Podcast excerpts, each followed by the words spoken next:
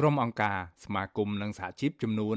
39ស្ថាប័នដែលភាគច្រើនធ្វើការផ្នែកលើកស្ទួយសិទ្ធិស្ត្រី និងសិទ្ធិមនុស្សខកចិត្តជាខ្លាំងចំពោះករណីមន្ត្រីនគរបាលជាស្ត្រីម្នាក់នៅខេត្តស្ទឹងត្រែងប្រឈមនឹងវិធានការវិន័យដោយសារតែការបង្ហោះរូបភាពបំបើដោះកូននៅក្នុងសម្លៀកបំពាក់ឯកសណ្ឋាននគរបាលនៅក្នុងទំព័រ Facebook របស់ខ្លួន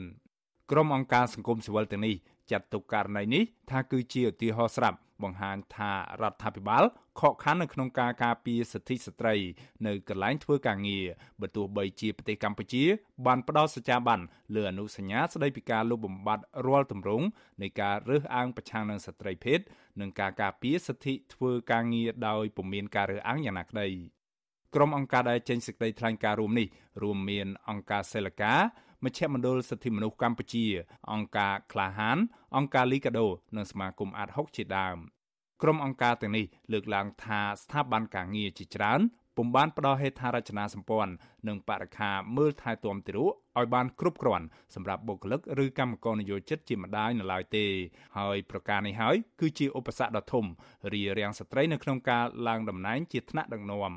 ក្រុមអង្គការសង្គមស៊ីវិលបន្ថែមថាដើម្បីឲ្យស្ត្រីទទួលបានសិទ្ធិនៅកន្លែងធ្វើការងារអង្គភាពត្រូវផ្ដល់នូវហេដ្ឋារចនាសម្ព័ន្ធនិងបរិក្ខារមើលថែទាំទារកនិងពេលវេលាសម្រាប់បំបើដោះកូនដោយទទួលបានប្រាក់ឈ្នួលព្រមទាំងបង្កភាពងាយស្រួលដល់អាជីពការងាររបស់ពួកគេ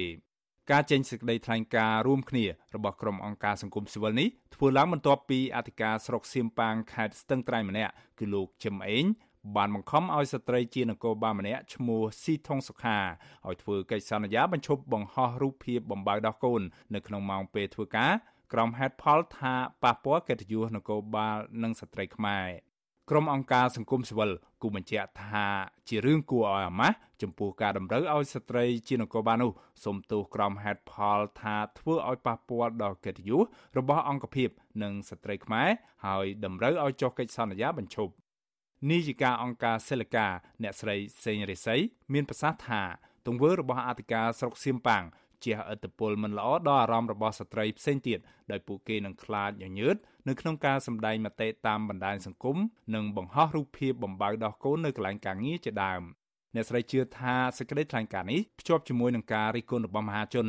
នឹងធ្វើឲ្យកន្លែងការងាររបស់នគរបាលស្រុកសៀមប៉ាងត្រូវបានកែប្រែឲ្យល្អប្រសើរឡើងវិញ។ ការលើកឡើងនិងការគ្រប់គ្រងរបស់ភាគីពាក់ព័ន្ធទាំងអស់នឹងអាចធ្វើឲ្យកន្លែងការងាររបស់បងស្រីជាថងសុខានឹងមានការកែប្រែអរិយាប័ត្រនិងគំនិតសង្ឃឹមថាការចេញសេចក្តីថ្លែងការណ៍របស់អីផ្សេងផ្សេងនឹងជាការក្រើនរំលឹកឲ្យគ្នាទៅវិញទៅមកដែលយើងរួមចំណែកហើយជាការដែលយើងកែប្រែស្ថានភាពឲ្យកាន់តែប្រសើរឡើងក្រុមអង្គការសង្គមស៊ីវិលបានជំរុញឲ្យអគ្គស្នងការនគរបាលជាតិគួរមានវិធានការកែតម្រូវដើម្បីធានាថាករណីបែបនេះនឹងពុំកើតមានឡើងសារជាថ្មីទៀតឡើយ។ អាស៊ីស្រីមិនអាចតាក់ទងប្រធានអង្គភិបអ្នកណែនាំពាក្យរដ្ឋាភិបាលលោកផៃសិផាននិងអ្នកណែនាំពាក្យអគ្គស្នងការដ្ឋាននគរបាលជាតិលោកឆាយកំខឿនដើម្បីសុំការឆ្លើយតបចំពោះសេចក្តីថ្លែងការណ៍របស់ក្រុមអង្គការសង្គមស៊ីវិលនេះបាននៅឡើយទេ នៅថ្ងៃទី11ខែមីនារីឯស្ត្រីជានគរបាលគឺអ្នកស្រីស៊ីថុងសុខាវិញក៏អាស៊ីស្រីមិនអាចតាក់ទងបាននោះដែរក្រុមអង្គការសង្គមស៊ីវិលនៅតែទាមទារឲ្យអធិការស្រុកសៀមប៉ាងចេញមុខសុំទោសជាសាធារណៈ ចំពោះទង្វើឆ្គាំឆ្គងរបស់ខ្លួនដែលពួកគេហៅថាជាការធ្វើឲ្យប៉ះពាល់ដល់កិត្តិយសនិងសេចក្តីថ្លៃថ្នូររបស់មន្ត្រីក្រមបង្គាប់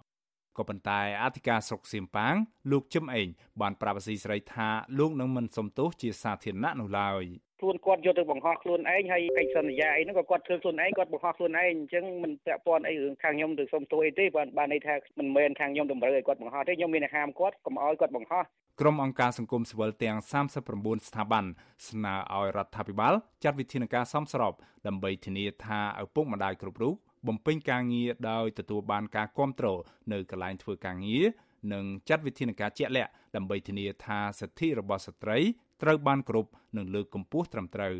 ជាពិសេសពួកគេទទូចដល់រដ្ឋាភិបាលឲ្យអនុវត្តអនុសាសន៍ទាំងឡាយទាក់ទងទៅនឹងការបង្កើនកិច្ចខិតខំប្រឹងប្រែងនៅក្នុងការលុបបំបាត់ការរើសអើងស្ត្រីភេទនិងបញ្ឈប់ការរដ្ឋបិទលើសេរីភាពនៃការបញ្ចេញមតិខ្ញុំបាទមេរិតអាស៊ីសេរីរាយការណ៍ពីរដ្ឋធានី Washington